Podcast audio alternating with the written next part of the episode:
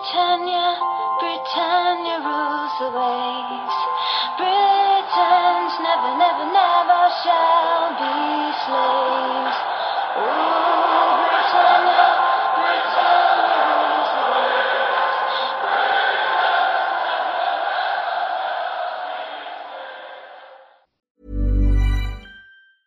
Hiring for your small business? If you're not looking for professionals on LinkedIn, you're looking in the wrong place. That's like looking for your car keys in a fish tank. LinkedIn helps you hire professionals you can't find anywhere else, even those who aren't actively searching for a new job but might be open to the perfect role. In a given month, over 70% of LinkedIn users don't even visit other leading job sites. So start looking in the right place. With LinkedIn, you can hire professionals like a professional. Post your free job on linkedin.com slash people today.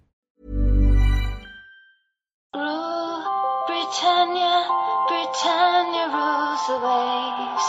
Britons never, never, never shall be slaves. Ooh, Britannia, Britannia rules the waves.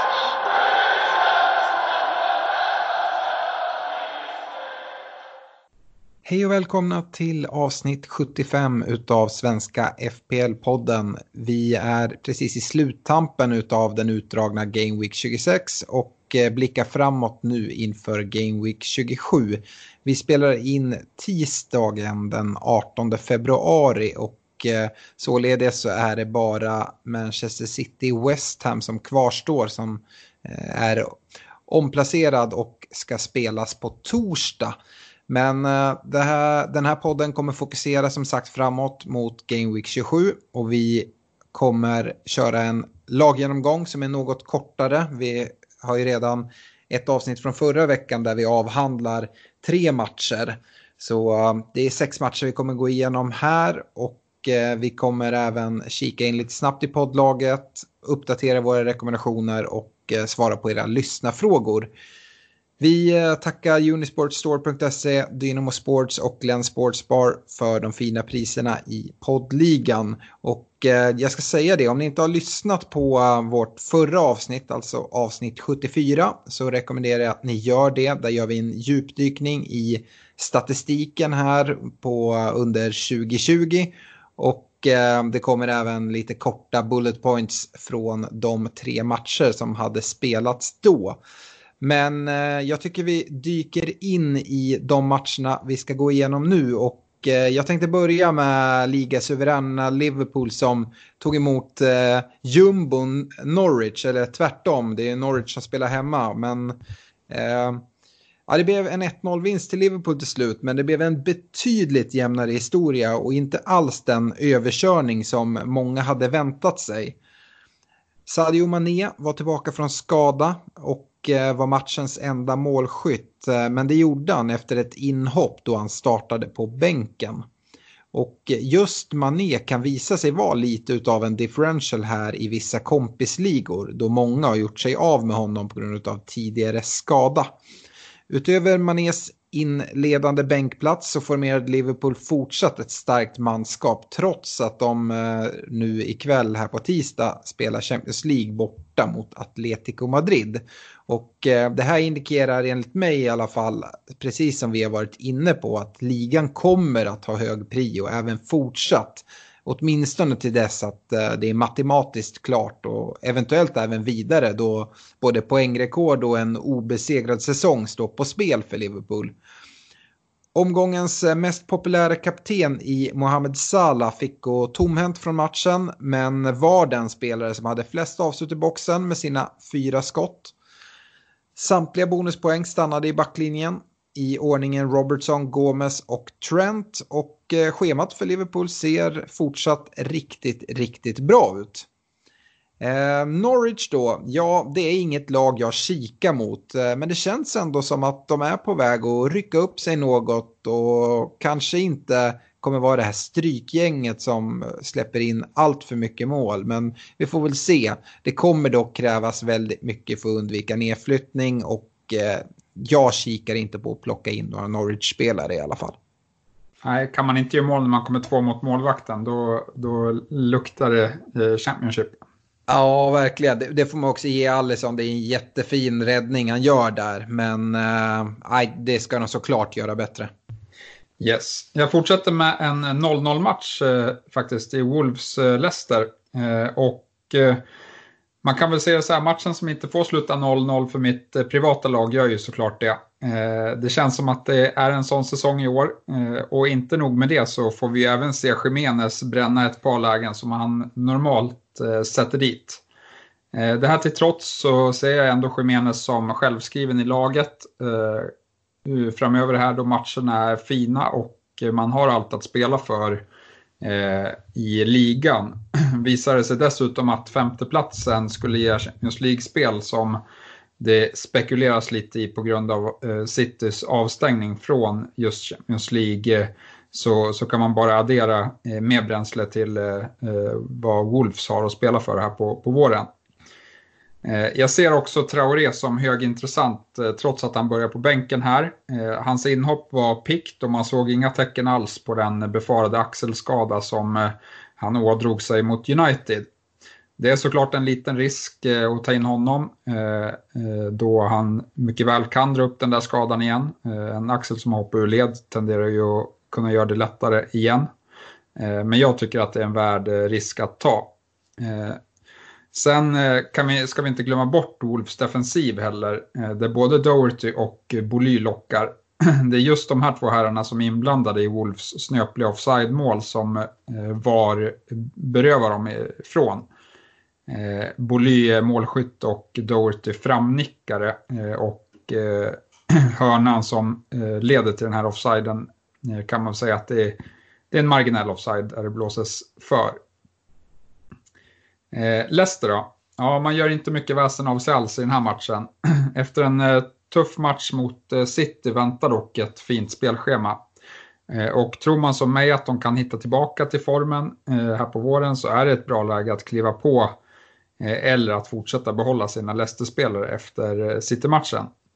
Eh, men varningsflaggor finns ju absolut för formen eh, och vi har sett framförallt det från, från Vardys sida kollar man på den här matchen eh, uteslutande så har han endast en touch i boxen och inte något avslut.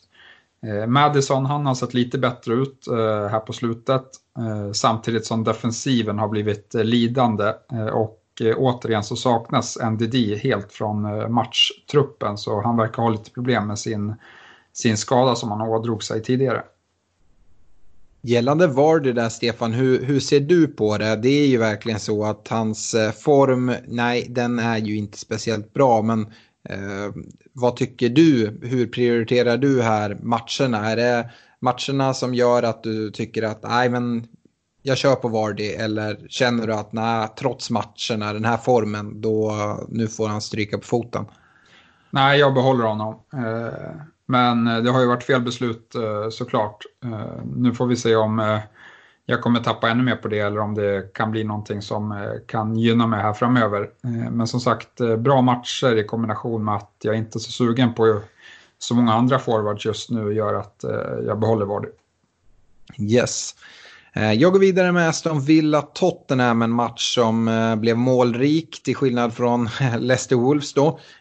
Tottenham vinner till slut med 3-2 och jag skrev den här matchrapporten och hade skrivit en hel del om eh, just Hengminsson eh, i, i Spurs. Men eh, nu har vi fått besked här om eh, tidigare idag faktiskt om eh, hans brutna arm och den eh, efterföljande operationen som kommer hålla honom borta i ett antal veckor som Spurs eh, eh talar om. Men jag skulle säga att ett antal veckor är minst.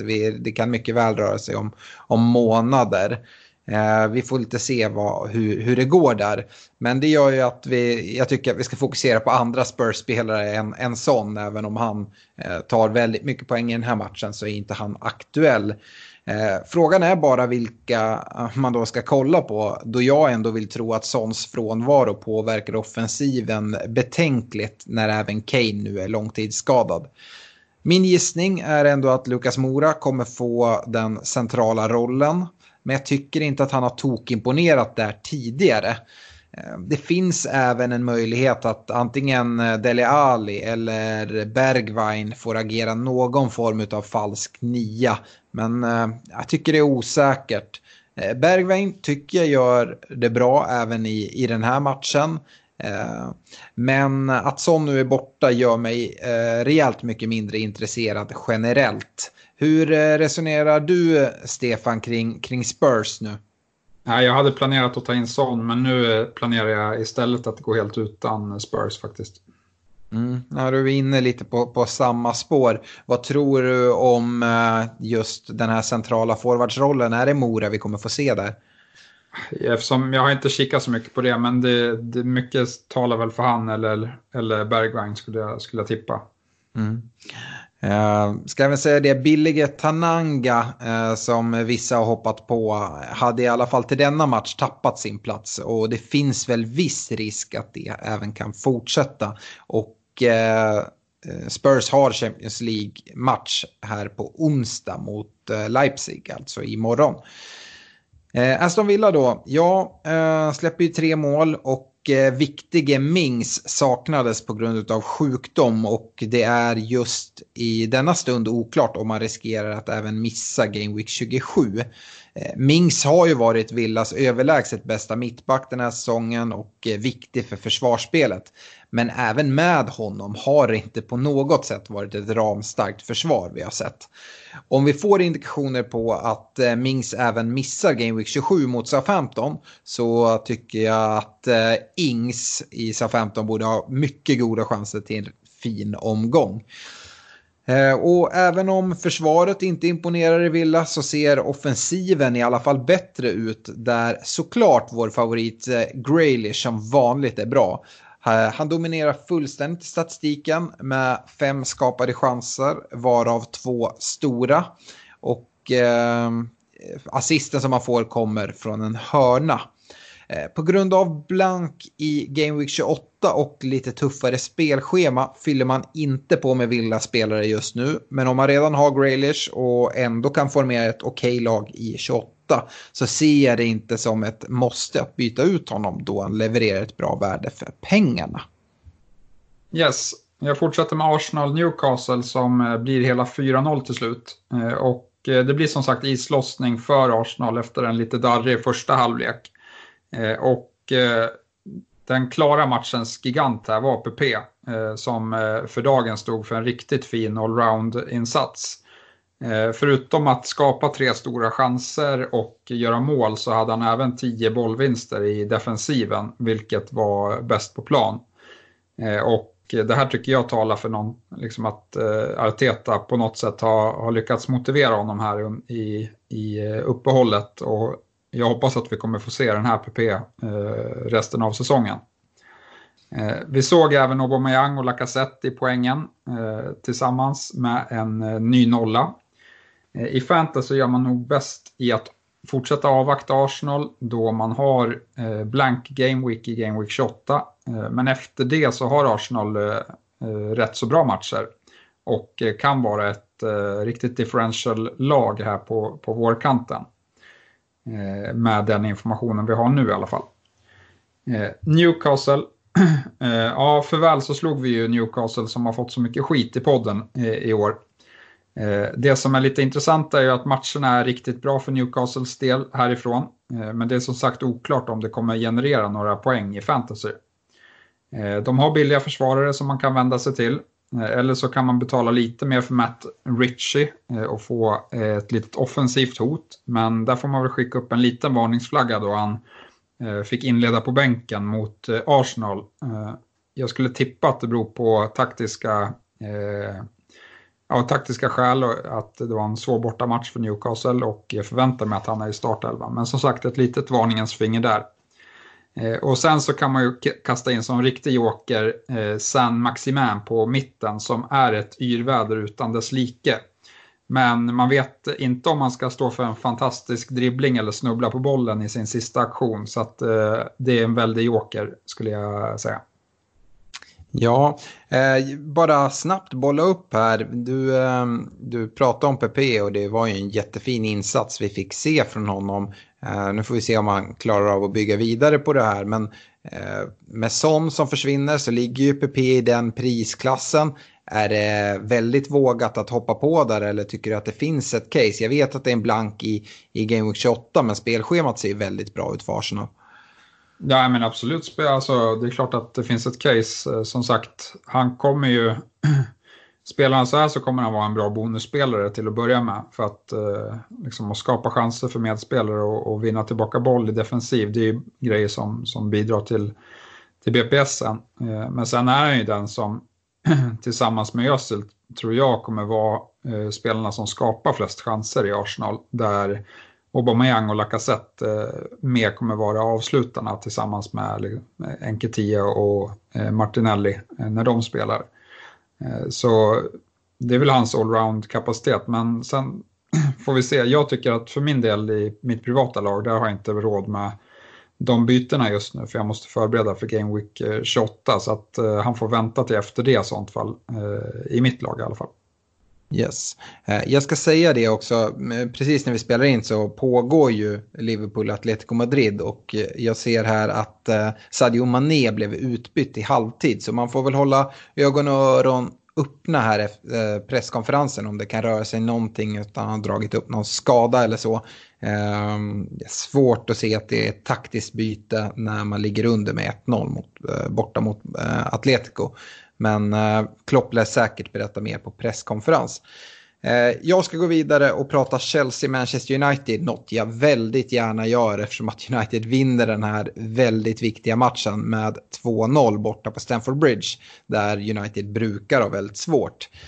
Eh, men vi börjar med Chelsea och eh, jag tycker att de gör en helt okej okay match, men de har inte domsluten med sig och eh, de saknar även viss skärpa när lägena väl uppstår. Eh, jag noterar att Kepa fortsätter bänkad till fördel för Caballero och eh, Abraham och Hudson och Doy missar matchen med skador. Eh, skadorna fortsätter även i matchen då Kanté tvingas utgå redan i minut 11 och Christensen går ut i halvtid efter en smäll mot huvudet. Eh, gällande skadorna där så är det svårt att spekulera. Abrahams skada är ju sedan tidigare eh, som han drog på sig matchen mot Arsenal. Hudson och Doy drog på sig någon form av lättare hamstringskada lät det på eh, Lampard på träning. Eh, och eh, fick även ett kort uttalande om Kanté att eh, de såklart ska eh, göra någon eh, ordentlig utvärdering på den men det lät som att Lampard var rätt pessimistisk eh, kring Kanté och att han kan bli borta en lite längre tid eventuellt. Eh, nu har ju Chelsea en eh, Champions League-match mot Bayern München som ligger inplanerad mellan Game Week 27 och Game Week 28. Dock lär det knappast roteras i Game Week 27 då man möter Spurs eh, skulle jag tro då det är så tajt där i, i eh, kampen om eh, Europaplatserna. Eh, men jag konstaterar att Chelsea skulle verkligen behöva få tillbaka Tammy Abraham på topp. Det är nog den spelare som är absolut viktigast att, få tillbaka. Eh, och får de det, ja då tycker jag att eh, Abraham mycket väl kan vara en spelare som, som man kan börja kika mot i forwardsrollen. Eller en av de tre i alla fall. United, ja, här ser vi Brandon Williams åter i startelvan. Eh, då United satsar på en eh, ja, tre eller fembackslinje beroende på hur man ser det. Så uh, Luke Shaw spelar i, i uh, trebackslinjen och Brandon Williams får en mer framskjuten ytterroll. Uh, vi fick även se Bajy tillbaka som inte har spelat uh, seniorfotboll på väldigt lång tid då uh, Victor Nilsson Lindelöf var sjuk och missade matchen. men jag blir bara glad av att se Bruno Fernandes spela i United-tröjan. Jag tycker han gör en återigen fin insats och eh, det är så skönt att se eh, en spelare som kan slå en hörna. Det är hans hörna till Maguire som leder till 2-0 målet men Bruno har riktigt fina fötter och eh, kanonspelare på fasta situationer. Han har även en, en frispark som, som går i stolpen och jag tror att eh, poängen kan eh, komma från hans fötter här, här framöver. Både, både på att dra in frisparkar direkt men även att det eh, ökar eh, värdet på en, eh, en spelare som Maguire som är en så pass stark huvudspelare. Eh, United som är kvar i både FA Cup och Europa League har ett väldigt intensivt spelschema, precis som Arsenal, eh, med två till tre matcher i veckan just nu. Exempelvis så spelas ju Europa League både denna och efterföljande torsdag i, för Uniteds del mot Klubb Brygge. Eh, sen så får vi se lite vad som händer. Det har ju kommit lite rapporter att McTominay är tillbaka i träning och Eh, kan man få tillbaka lite spelare nu? Eh, Pogba borde inte vara allt för långt borta. Jag har inte hört något om Rashford. Men eh, kan komma tillbaka lite spelare så är, börjar United bli intressanta då spelschemat egentligen, ja de har ju City kvar och så tror jag att det är Spurs City i två efterföljande omgångar. Men utöver dem så är spelschemat fint egentligen hela vägen ut till, äh, till säsongens slut helt enkelt. Yes, eh, och jag kör sista matchen då med Southampton-Burnley eh, där Burnley eh, överraskande vinner med 2-1. Och om man ska möta Burnley då, som kan vara väldigt jobbiga, då får man inte göra som Southampton gör i den här matchen och släppa in mål direkt från en hörnspark efter 90 sekunder. Ings är det som är syndabocken på det baklängesmålet, men han revanscherar sig eh, strax därefter när han klipper in ett fint eh, långskott eh, till 1-1. Men när Vydra, som verkligen inte är en utpräglad målskytt, ger Burnley ledningen så blir Southamptons eller så skapar inte Southampton tillräckligt mycket för att komma tillbaka i matchen igen. Jag drar inga, inga större växlar ut utav det här utan det var helt enkelt en, en match där Southampton inte riktigt var eh, på tårna. Eh, och eh, spelschemat ser ju jättefint ut och jag fortsätter hålla Ings högt, högt upp på bland forwardsen. Kanske den man plockar ut eh, först i laget just nu. Eh, sen finns det ju ett case för någon eh, billig försvarare som, som kan vara vettig. Eh, I den här matchen så hade till exempel Stevens eh, en nick i ribban som hade kunnat resultera bland annat. Eh, men som sagt, försvarsspelet är inte lika eh, är inte jag lika trygg med hos 15 i alla fall, utan det är mer Ings eh, som eh, står ut i, hos dem. Eh, Burnley då? Ja, de känns lite svåranalyserade i år, de, då de har gjort en hel del oväntade resultat och ibland fallit igenom och så. Eh, men spelschemat är helt okej.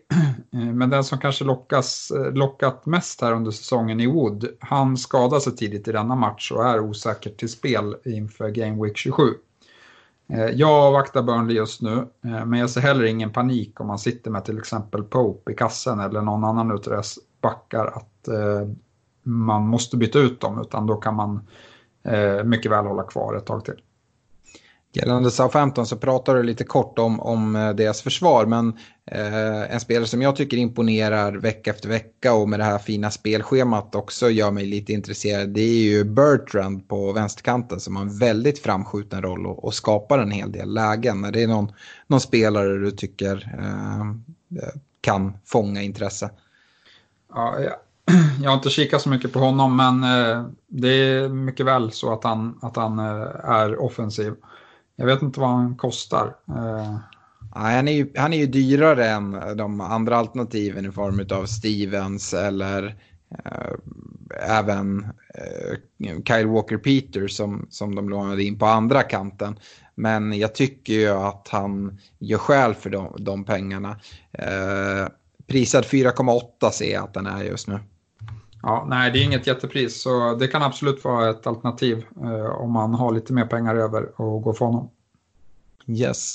Eh, vi stänger den här matchgenomgången som då är lite kortare eh, den här veckan på grund av att det bara är sex matcher som har spelats sen vi spelade in senast och City spelar först på torsdag. Eh, vi kommer inte kika in i poddligan eh, eftersom att eh, Gameweeken inte är färdigspelad. Utan det väntar vi med till, till nästa veckas avsnitt och kollar då efter Gameweek 27. Eh, poddlaget däremot snabbt står på 44 poäng just nu med Kevin De Bruyne kvar i spel. Det är väl ingen kanon Gameweek på något sätt men det är ganska många som, som inte har haft det. Vi får väl hoppas att inte Eh, City gör allt för, för mycket poäng eh, sett till att det är en del lag som sitter med bindel på exempelvis Agüero eller De Bruyne. Men äh, ja, den här poängskörden äh, ställer inte till det allt för mycket. Det är inte supermånga äh, lag som, som plockar, plockar höga scorer den här veckan. vi satt med binden på Sala. det Eh, fick vi ingen utdelning på, men det var även många andra som, som satt där. Vi hade ju uppdubbling på Trent och Robertson å andra sidan. Eh, I laget så har vi väl eh, lite små problem. Samtidigt har vi två fria transfers som vi, som vi gärna håller kvar då vi vet att vi kommer få sena besked kring potentiella dubbla och blanka gameweeks. Och eh, det blir väl ett byte den här veckan, förmodligen i backlinjen. Eh, ja, vi har inga pengar på banken så att eh, det gör att Lundström nog får bli kvar eh, någon vecka till och kanske Oresa får stryka på foten till fördel för ja, exempelvis Bolivia. Vi har inte snackat ihop det här eh, helt men eh, det är väl vad det lutar åt. Eh, vad säger du Stefan? Jo, men det, det är väl så. Eh, utvecklingen i poddlaget känns lite lite trist just nu. Vi står och stampar här på den här placeringen, har gjort eh, några veckor. Vi hoppas ju att eh, vi ska kunna ta ett kliv eh, mot det bättre. Eh, men som sagt, vi, vi kikar ju en hel del på de här blanka och dubbla gameweeksen som kommer och hoppas kunna eh, ha en bra strategi för dem så att, som gör att vi avancerar mer eh, när det väl är dags. Mm, kan vi konstatera det. Vi sitter ju med Vardy även i poddlaget och eh, vi avvaktar där. Uh, hoppas att uh, han ska straffa de som har bytt ut honom, även fast vi inte riktigt har sett tendenser uh, till det här i, i, på senare tid. Nej, men som sagt, jag tror ändå att de ska ju säkra sitt Champions League-spel och med bra matcher och endast liksom ligan att fokusera på så, så tror jag att de har bra chanser till att göra det. Ja, det är extra intressant nu med de lag som enbart har ligan att fokusera på eh, och inte massa Europaspel.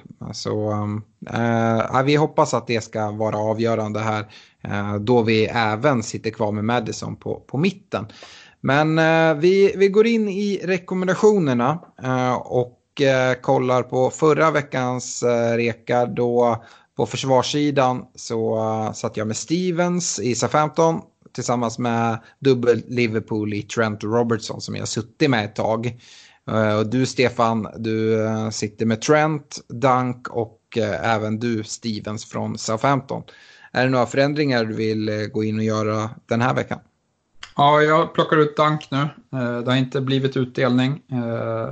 Det hade kunnat bli lite mer offensiv utdelning, men nu börjar spelschemat se sämre ut så att han får ryka. Eh, och in kommer Doherty från Wolves. Eh, och det jag framförallt gillar med, med Doherty är ju hans eh, eh, offensiva potential eh, tillsammans med Wolves eh, spelschema. Så han gamblar jag med. Mm. Jag tycker det är en jättebra shout och jag kollade själv mot Doherty. Jag eh, behåller Trent Robertson och eh, men plockar bort Stevens från Southampton.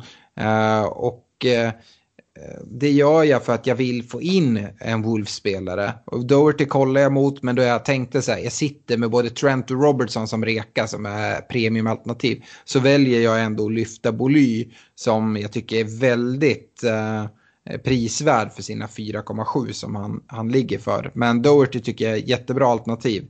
Men eh, till exempel om man då gör som jag pratar om här och dubblar upp på Liverpool-försvaret, ja, då kan det kännas lite overkill att även gå på Doherty för att man ska få ihop budgeten på, på övriga positioner också. Uh, så uh, jag, uh, jag väljer och kör Boly, Trent och Robertson. Yes.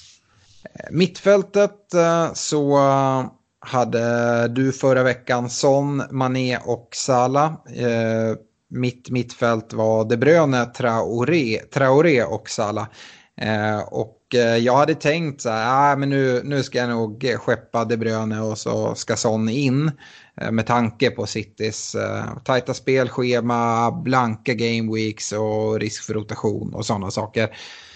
Men Son kommer jag knappast rekommendera att ta in. Då finns egentligen två alternativ och det är att göra som du har gjort här och dubbelreka Liverpool-mittfältarna i Mané och Salah. Men då har jag två försvarare där. Så antingen då kan man ju eh, ta bort Robertson och ersätta med, med Doherty där i försvaret. Det har ju jag inte gjort nu. Det gör att jag ändå eh, har kvar Kevin De Bruyne som det är just nu i, i reken på mittfälten. Och det kan ju också vara en, en sån grej att sitter man med Kevin De Bruyne just nu ja, men då kanske man ska avvakta lite och, och se vad som kommer hända med de här eh, gameweeksen med, med dubbla när de blir och, och, liknande. Så att jag väljer att inte göra någon ändring. Traoré och Salah är givet kvar och Kevin De Bruyne får sitta kvar på något sätt i alla fall i, i mitt mittfält. Ja, eh, jag har lite problem här för att eh, när jag hade skrivit ner det så hade jag både Son och Mané kvar. Eh, men eh, Salah är kvar. Eh, och Son ryker för Traoré. Eh, men sen Mané, jag vet inte nu när han blev utbytt här i halvtid vad, vad det beror på. Så att jag får ju absolut ha en varningens flagg där. Och det verkar ju lite som att hans skada är värre än vad vi har befarat. Eh, då han endast fick ett inhopp i, i ligan och nu utbytt i halvtid. Så att ja, jag avvaktar väl den, har väl kvar honom, men annars får man väl kika mot en PP eller eh, en eh, Madison kanske. Mm, och vem sa du att du ersatte Son med? Eh, Traoré i Wolverhampton. Yes. Uh, på forwardsidan var vi eh, rörande överens förra veckan med Ings, Jimenez och Vardy. Även om vi då kanske framförallt du eh, flaggade för Vardy att det är en vattendelare där och du nämnde framförallt Aubameyang tror jag. Eh, jag har inte gjort några ändringar. Eh, hur eh, har du gjort där? Nej, jag behåller.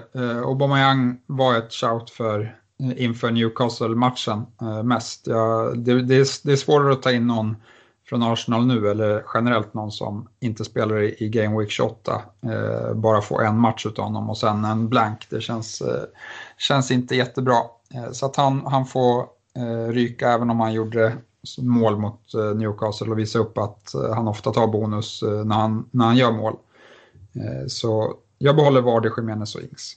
Mm. Ja, men jag tycker det. De solklara rekarna på anfallet är, står ändå i Ings och Jiménez som både visar form och har fina matcher. Och eh, heller inga, inga blanks här. Eh, så de håller jag starkt. Den tredje posten, ja men då är det antingen att man får gå på någon spelare som har en, eh, en blank eller som kanske inte har jättebra form men bra, bra spelschema eller eh, tvärtom då att eh, till exempel Calvert Lewin som visar en eh, fin form men där spelschemat inte ser riktigt lika bra ut. Eh, Differential-sidan då, ägarandel under 10 Eh, förra veckan så eh, Eh, hade både du och jag ganska tungt in i Sheffield United. Vi får se eh, om du har ändrat där. Det har i alla fall jag. Jag hade rekar på både O'Connell och Fleck från eh, Sheffield United. Och eh, sen även då eh, Stevens i Southampton. Eh, och eh, du hade Fleck precis som mig men valde Egan i backlinjen och eh, Trossard i Brighton. Yes, och jag har faktiskt plockat bort alla mina differentials här. Yeah. Så att Sheffield rycker på grund av Game Week 28 eh, och eh, Trossard rycker på grund av att spelschemat eh, blir sämre för dem. Och de tre som kommer in är Boly från Wolverhampton som vi har pratat en del om. Sen är det två mittfältare i form av Harvey Barnes i Leicester och San Maximan från Newcastle. En New Newcastle-spelare letar sig in alltså.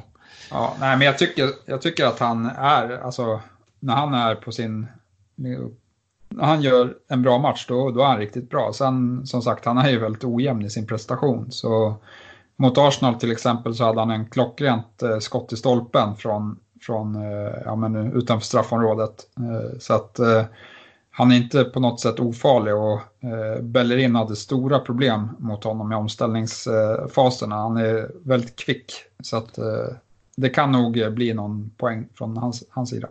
Ja, jag köper det fullständigt. Jag själv lutade länge åt att uh, reka upp Richie här med sin ägarandel på 0,2 procent. Men uh, jag tycker att det är för osäkert här till... Uh, han kostar ändå en del och då om det är så att han han börjar på bänken mot Arsenal. Eh, kommer han göra det fortsatt? Det vill jag inte riska alls. Så att jag, jag, jag backar där från det. Eh, men precis som du så plockar jag bort mina Sheffield-spelare i O'Connell och Fleck. Stevens behåller jag från SA-15. Men eh, jag plockar in Doherty här. Ägs ju bara av 4,2 procent.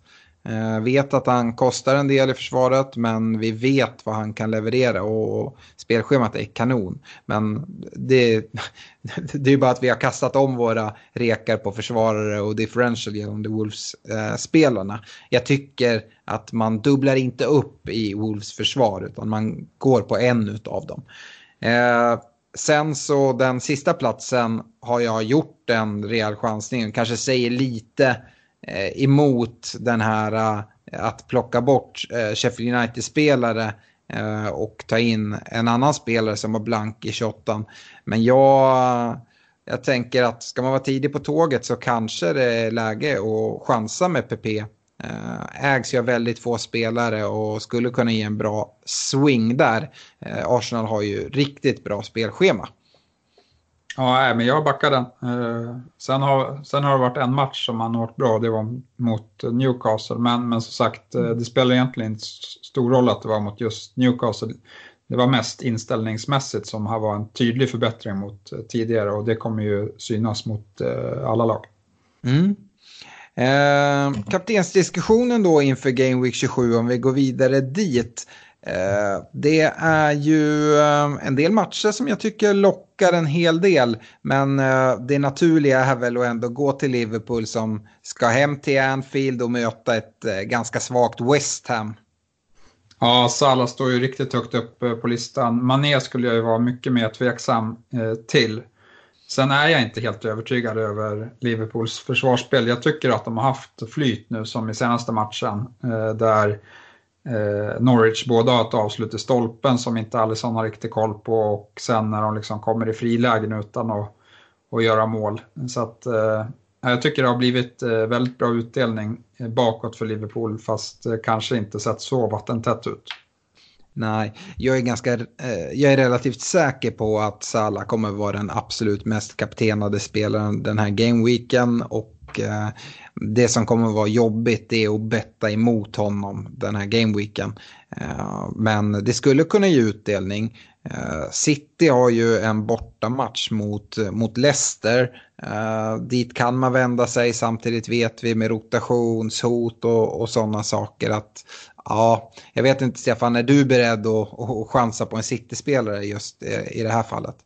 Uh, inte som ligan ser ut och sen att veta att de har Champions League uh, några dagar senare uh, mm. gör mig väldigt osäker på City. Ja, Aj, för mig är egentligen det bästa alternativet till att gå på Sala. Det är faktiskt att vända sig till Danny Ings. Uh, Southampton tar ju emot Aston Villa här och får vi besked att Mings även missar den här matchen då tycker jag att det lockar. Eh, jag är nog en lite för feg människa för att verkligen gå, löpa hela linan ut och sätta eh, binden på, på Ings före Sala. Men eh, ja, det skulle kunna ge utdelning ändå tycker jag. Ja, nej, jag, jag håller med. Eh, missar Ings, eller missar Mings, så, så är Ings eh, intressant. Ja, det är en eh, rolig sån, ordlek där. Men eh, Villas försvar är ju bedrövligt. Och eh, det målet som, som Ings gör här, eh, här senast mot, mot Burnley, det är ett riktigt klassmål. Eh, det är ett långskott som du säger i matchgenomgången men det är extremt kontrollerat också efter backarna. Helt otagbart.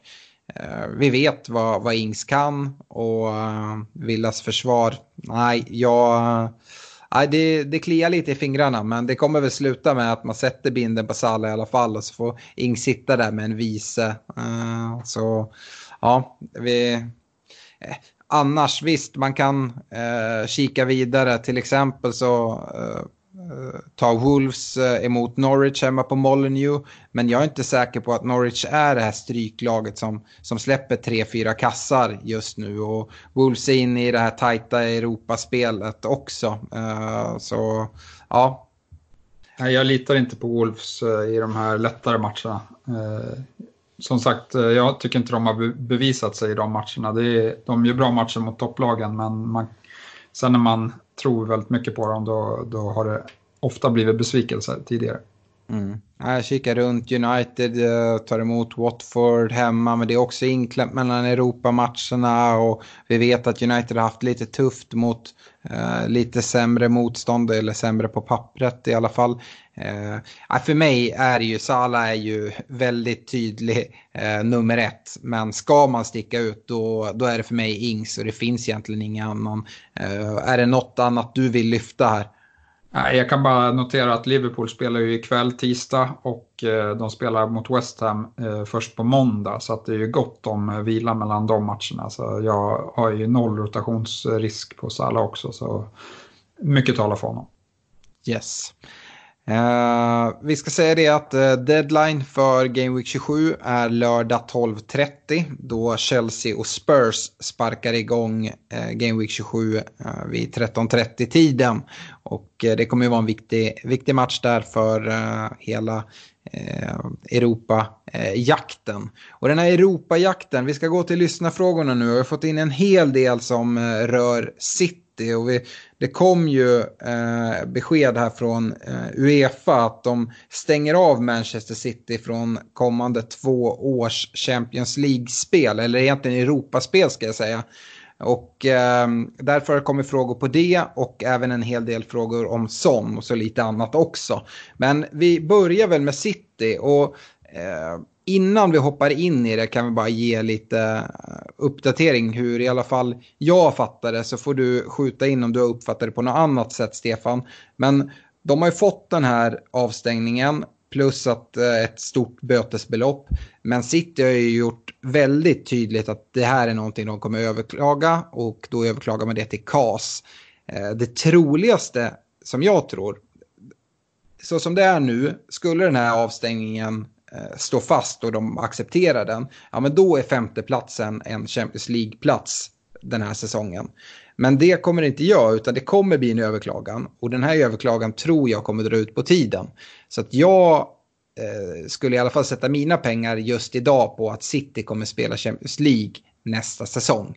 Eh, det är vad jag tror för att under överklagandetiden så som jag har förstått det så eh, kom, kommer inte den här avstängningen att gälla. Har du uppfattat det på något annat sätt? Eh, nej, jag har bara läst alltså, det, man har, det som det har spekulerats i direkt. Att eh, många bara, ja, men nu gäller femteplatsen. Och liksom, Mourinho var ju ute på sin presskonferens och pratade om att eh, alla lag bakom blir mer hungriga och grejer. Så att eh, det ligger väl någonting i att femteplatsen eventuellt kan ge Champions League-spel. Men jag är lite inne på ditt spår också Alex, att eh, jag tror inte sista ordet är sagt här.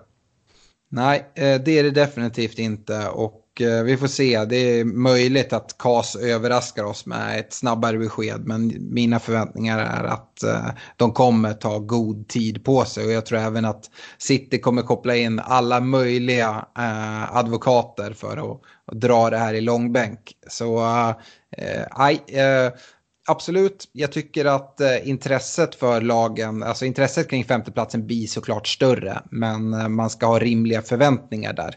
Eh, men om vi hoppar in i frågorna då så kan vi börja med Joakim Karl som skriver att eh, han sitter endast på De Bruyne som City-spelare och undrar vad ska man göra med honom och resten av City-spelarna för den delen. Jag antar att han tänker på, på den här problematiken med blanka och dubbla gameweeks. Uh, nu säger han, jag uppfattade inte riktigt. Ja, han sitter eh, endast på Kevin De Bruyne som City-spelare och undrar vad man ska göra med honom och eh, även eh, och resten av City-spelarna för den delen om man har flera. Ja, nej men som sagt det är väl lite eh, problematiskt där. De har ju en blank i 28 och troligtvis i 31 Vi har inte det bekräftat än. Eh, men det beror på hur det går för dem i, i FA-cupen. Eh, så av den anledningen så ser jag inte liksom något måste ha City-spelare. Men eh, du var inne på, eh, sa till mig Alex, att det finns en eh, viss eh, potential att de kan få en dubbel omgång i omgång eh, 29. Och då känns det lite surt att ha bytt ut De Bruyne, precis. Så att jag börjar väl mer och mer luta åt att man kanske ska ha honom kvar så länge som möjligt här. Mm. I, uh, ehm, Tobias Tims nästa fråga eh, går in på den här double game weeken. Han skriver så här, finns det chans för double game week Eh, i, för Manchester City i 29 eh, Och då har han läst en tweet från den här eh, största FBL-guren Ben Krellin att det är 75% chans att de skulle få det. Hur ska man resonera då i och med att de har blank i 28 och 31 skriver han, det vet vi inte men förmodligen. Och när kan man få beslut om det? Han, satt, han satt på Kevin De Bruyne och funderade på att byta till Son men den, den tanken tror jag han har ändrat i alla fall. Men eh, eh, jag såg också det här, det finns chans både eh, att, att City har en double game week mot Arsenal om det är så att Arsenal åker ut i Europa League mot Olympiakos. Eh, annars så är det, det högst troliga att det är Chelsea som väntar i, i Game Week 29.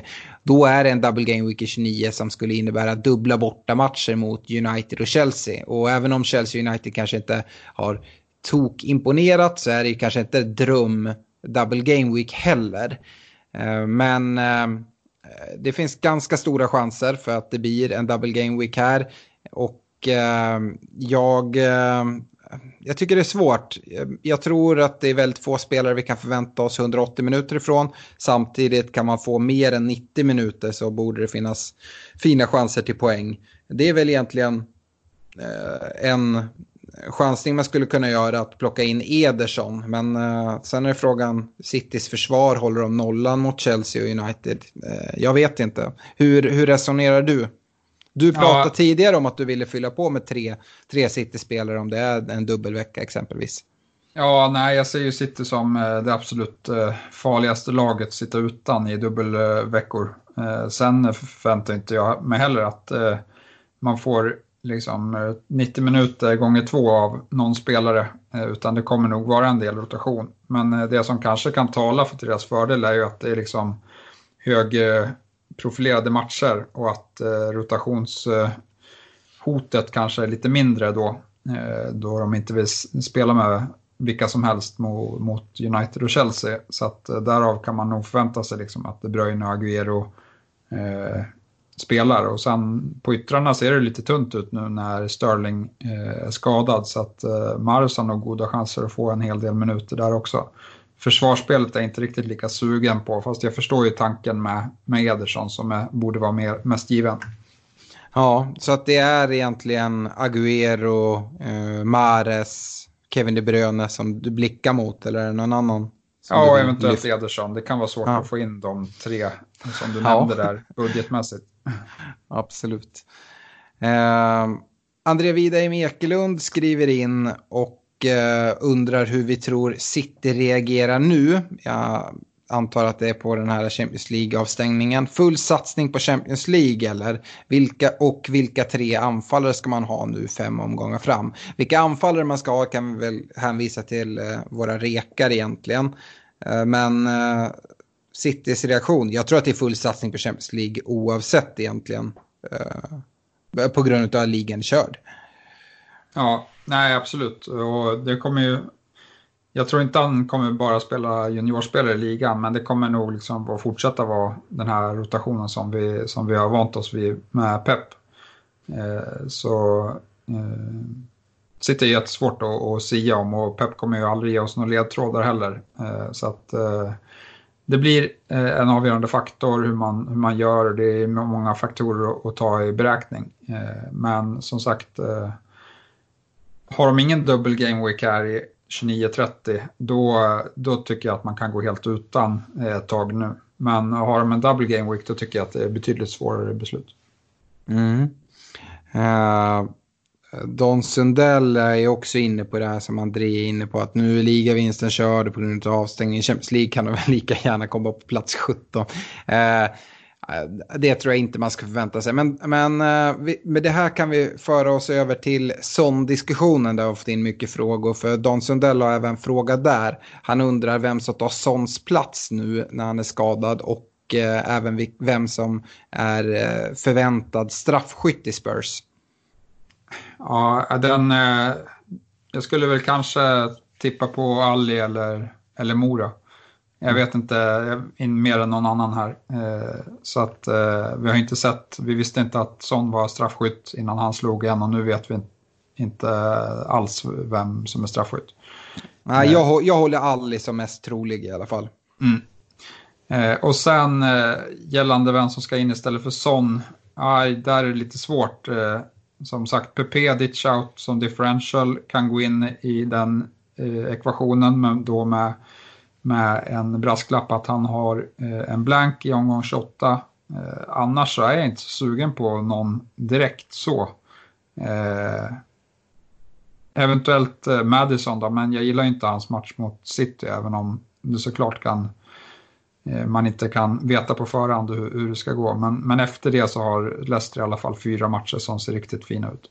Mm. Och vem som tar Sons plats i Spurs, den centrala rollen, det har jag varit inne på tidigare. Det blir förmodligen Mora med eh, Alli och Bergwijn som eh, eventuella kandidater. Det beror lite på hur, hur Mourinho tänker där.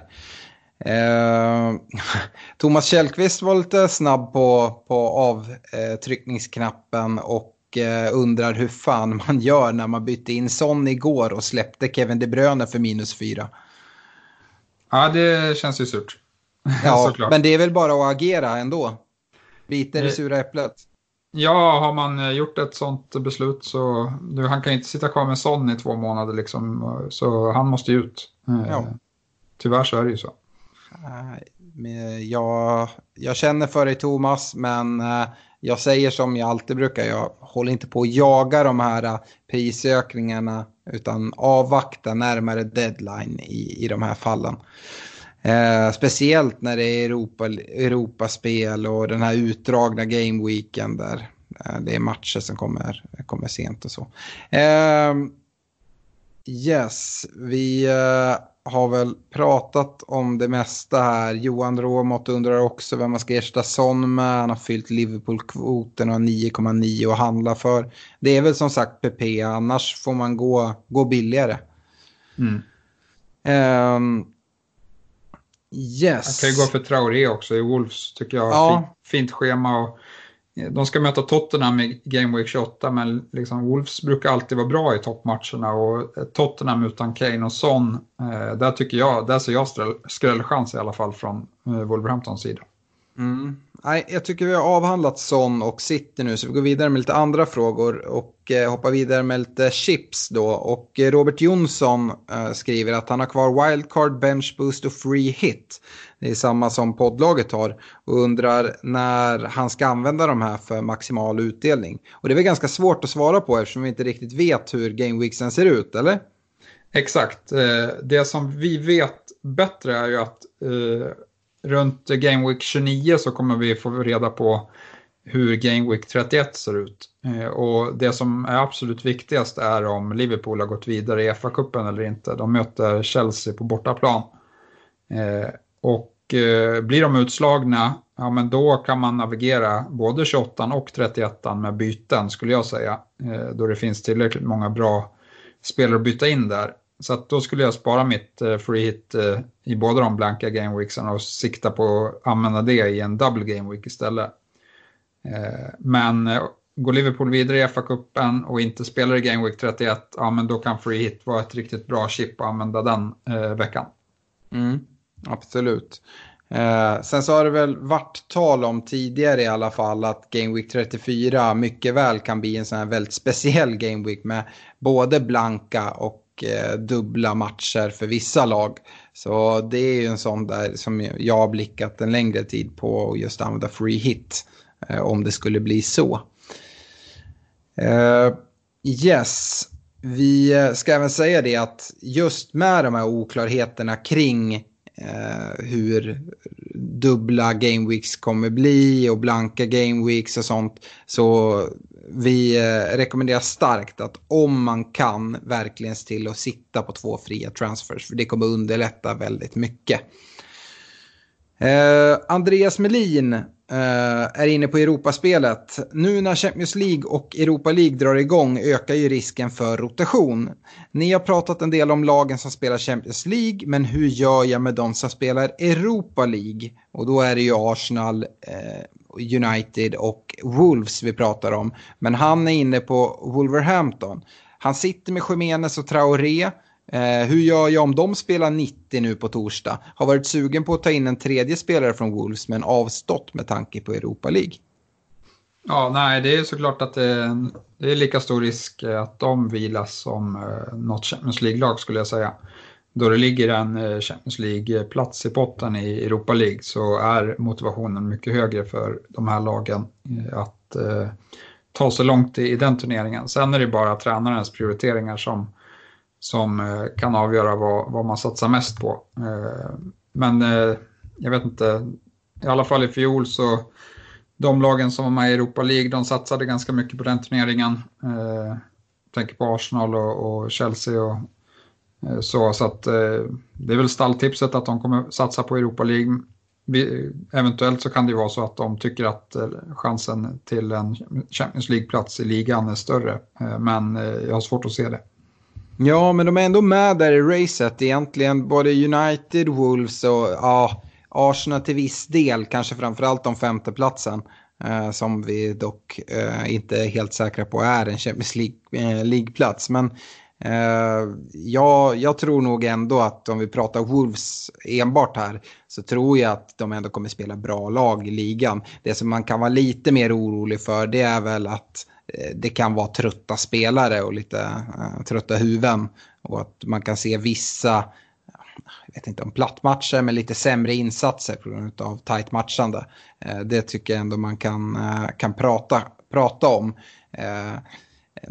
men i poddlaget sitter vi med, med Traoré och eh, Jiménez och vi är ju inte alls eh, speciellt oroliga för att ta in exempelvis Polyny som vi, vi, vi kollar mot. Så Eh, jag tycker inte att det är någonting man behöver avråda ifrån. Eh, har du någon annan åsikt där?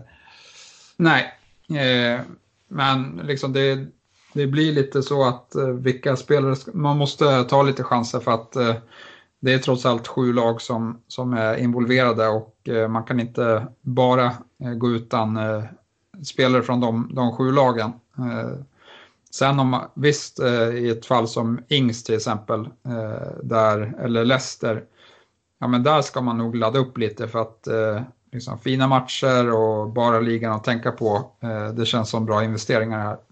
Mm. Nej, absolut. Eh, Mattias Kryger, han undrar vad vi tycker. Eh, vad skulle ni påstå lönar sig bäst i det långa loppet? Premiumspelare i backlinjen, mittfältet eller anfallare? Ja, det är nog lite från säsong till säsong eh, skulle jag säga. Eh, men man får nog inte, eller som det har sett ut de senaste säsongerna, får man eh, i alla fall eh, se till att ha lite cash i backlinjen. Eh, då det har varit eh, bra leverans från framförallt eh, Liverpool-backarna. Mm, absolut. Sen brukar det vara mittfältarna som tar mest poäng. Men man ska inte bara kolla på vem som tar maxpoäng utan man måste kolla till alternativen. I vissa fall kan det vara så att det, är som just nu tycker jag, att på anfallssidan så är det inte jättemånga anfallare som jag vill sitta med. Och Eh, ja, men det är Ings och Jiménez som jag tycker är solklara just i detta nu. Eh, de är ju ingen av de premiumalternativ. Men här efter Game Week 28 när Arsenal har haft sin blank och om Arsenal fortsätter visa fina tendenser, ja, men då skulle det kunna vara värt att gå in på en premiumspelare som Aubameyang om han eh, fortsätter leverera som, som han gör till exempel. Eh, så att det är inte bara vem som tar absolut mest poäng, för det kan ju vara så att det är mittfältare som tar högre poäng, men det finns även billiga mittfältare som tar nästan lika mycket poäng. Ja, men då, det gäller ju att se på en balans i laget och eh, få göra det. Jag vet att många kollar på att ha olika pris, eh, prispunkter på, på mittfältet och i försvaret. Att man har någon premium och att man inte går med tre superbilliga anfallare exempelvis. För att det då blir väldigt svårt att hoppa på en premiumanfallare om, om man skulle vilja göra det lite längre fram. Så att, eh, det finns lite olika strategier. Sen vet jag att det är vissa som, som gillar att köra med en fyra eller till och med fem i backlinjen vecka efter vecka och har lagt väldigt mycket krut där och både pengar och, och så. Och då gäller det att få ihop hela laget. Det är lite vilken typ av manager man är skulle jag säga. Eh, Marcus Lindholm, eh, han undrar, vad gör man med Vardy? Ja, jag behåller. Eh, nu är det en dålig match kvar innan det vänder. Så att, jag tycker det är lite för sent att, att liksom få Eh, kalla fötter här. Eh, har man eh, behållit honom så här länge så, så ger jag honom de här finare matcherna också innan jag eventuellt byter ut honom. Jag är inne på samma sak och det du pratade om tidigare i avsnittet är ju också just avsaknaden av klockrena alternativ. Alltså ersättare till Vardy gör ju också att det är enklare att bara sitta lugn i båten. Tobias Larsson, han undrar om det är ett bra läge att fimpa Lundström och Madison till förmån för Doherty och Barnes. Eh, ja, alltså Lundström eh, ser jag ingen vidare potential i då han verkar vara bänkspelare. Sen kan han ju såklart komma in och göra mål som han gjorde i den här gameweeken. Men eh, man får ändå säga att eh, det ska man nog inte förvänta sig varje vecka. Eh, så att eh, Lundström kan man byta ut, absolut. Men jag vet inte om man ska släppa Eh, Madison. Eh, Barnes eh, har förvisso, förvisso gjort det bra. Men jag håller ändå Madison högre. Så att jag vet inte om man, om man har råd kan man gör, byta in Boly istället för Lundström eh, som, ett, eh, som ett annat alternativ. Annars dubbelbytet är inget fel i sig, men som sagt, eh, jag, jag hade inte velat eh, släppa Madison. Nej, och absolut det jag, det jag tycker är, är jobbigast här det är att offra båda sina, sina fria transfers. Eh, jag skulle ju gärna eh, ha två fria och det är heller ingen självklarhet att det här blir jättemycket bättre. Självklart, jag håller Doherty betydligt högre än vad jag håller Lundström.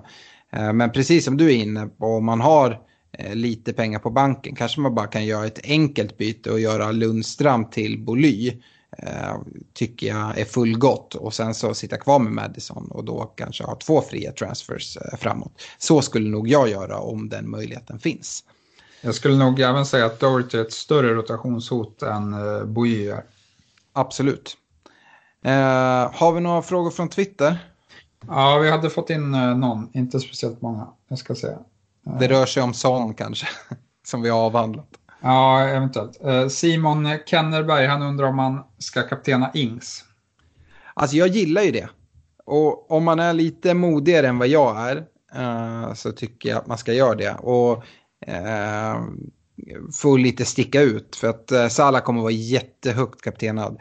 Och där måste man ju egentligen bara gå till sig själv och fråga om man är beredd att, eh, att betta emot Salah. För att det, jag ser inte alls som omöjligt att Salah kommer ta två siffror med poäng. Uh, ja, men uh, i Liverpool finns det ju andra spelare som kan leverera också.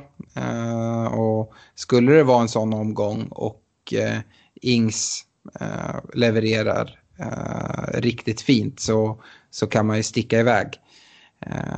Men mm, det är det här att betta emot en så tungt kaptenad spelare. Det är hur risk, eh, riskbenägen man är skulle jag säga. Och jag skulle även lägga till det att man inväntar presskonferens för att höra om, om Mings om Mings är borta stärks caset ytterligare för Ings. Eh, det är inte så att med Mings i, i laget så är Ings helt ointressant för att eh, Villas försvar har sett lite stökigt ut i alla fall. Men det är ju ja, riktigt, riktigt låg nivå utan honom. Så ja, eh, jag gillar det.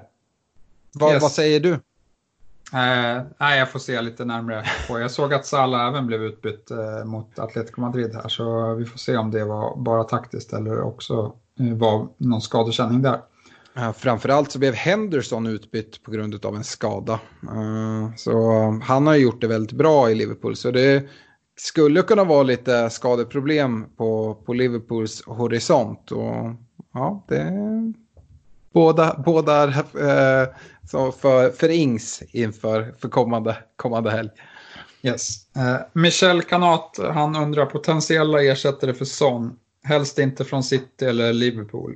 Gärna samma prisklass.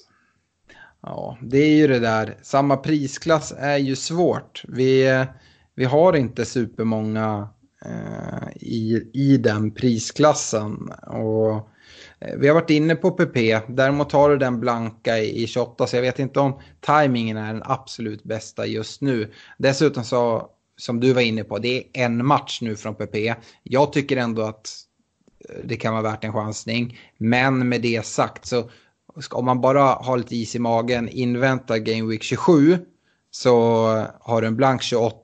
Ser han så fin ut i 27 så kan man ta in den till 29 för att spelschemat fortsätter ju därefter. Uh, och då är det även en, en dubbelvecka för Arsenal här framöver. Uh, så, uh, skulle, skulle kunna vara något om man nu ska ha i exakt den prisklassen. Annars hittar jag egentligen ingen i alltså, samma prisklass som jag tycker är, är värd att, att lyfta. Eh, och det har vi varit inne på tidigare. Utan då får man gå neråt i prisklassen ganska rejält. Michel säger att han är lite inne på Bruno Fernandes här då han verkar vara navet i anfallsspelet i United.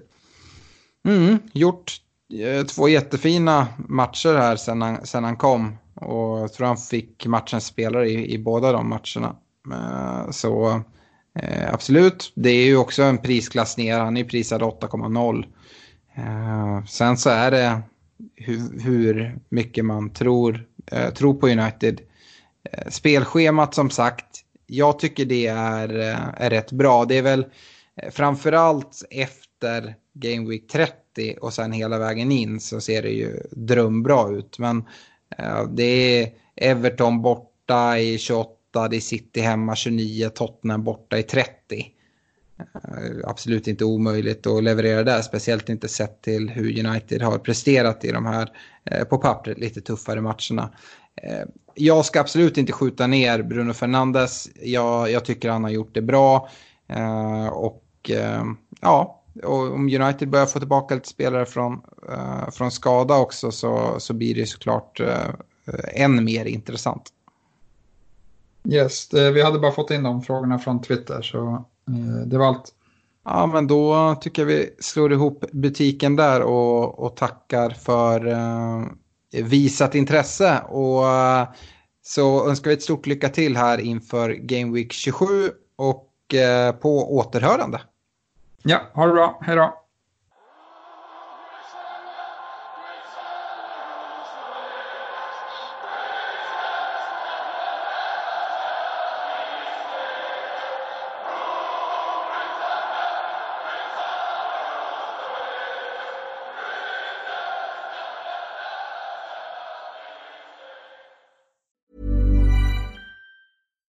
We're on a budget, we still deserve nice things. Quince is a place to scoop up stunning high-end goods for 50 to 80% less than similar brands. They have buttery soft cashmere sweaters starting at $50, luxurious Italian leather bags, and so much more. Plus, Quince only works with factories that use safe, ethical, and responsible manufacturing. Get the high-end goods you'll love without the high price tag with Quince. Go to quince.com/style for free shipping and 365-day returns.